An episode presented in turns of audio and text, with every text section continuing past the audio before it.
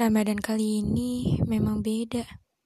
Terasa sedih karena beberapa dari kita tak bisa pulang ke kampung halamannya. Tak bisa bercengkerama dengan keluarga dan kerabat terdekat. Tapi meski harus di rumah aja, kita tetap bisa membuatnya istimewa. Karena di tengah segala yang kita cemaskan, selalu ada harapan. Di tengah semua musibah dan ujian, selalu ada nikmat. Semoga kita semua, termasuk hamba-hamba Allah yang pandai bersyukur. Semoga Ramadan kali ini kita bisa menang melawan diri sendiri. Semoga pandemi ini segera berakhir, sehingga bertegur sapa bisa dibarengi dengan peluk dan jabat erat. Jadi, jangan mudik dulu ya, demi kebaikan kita bersama.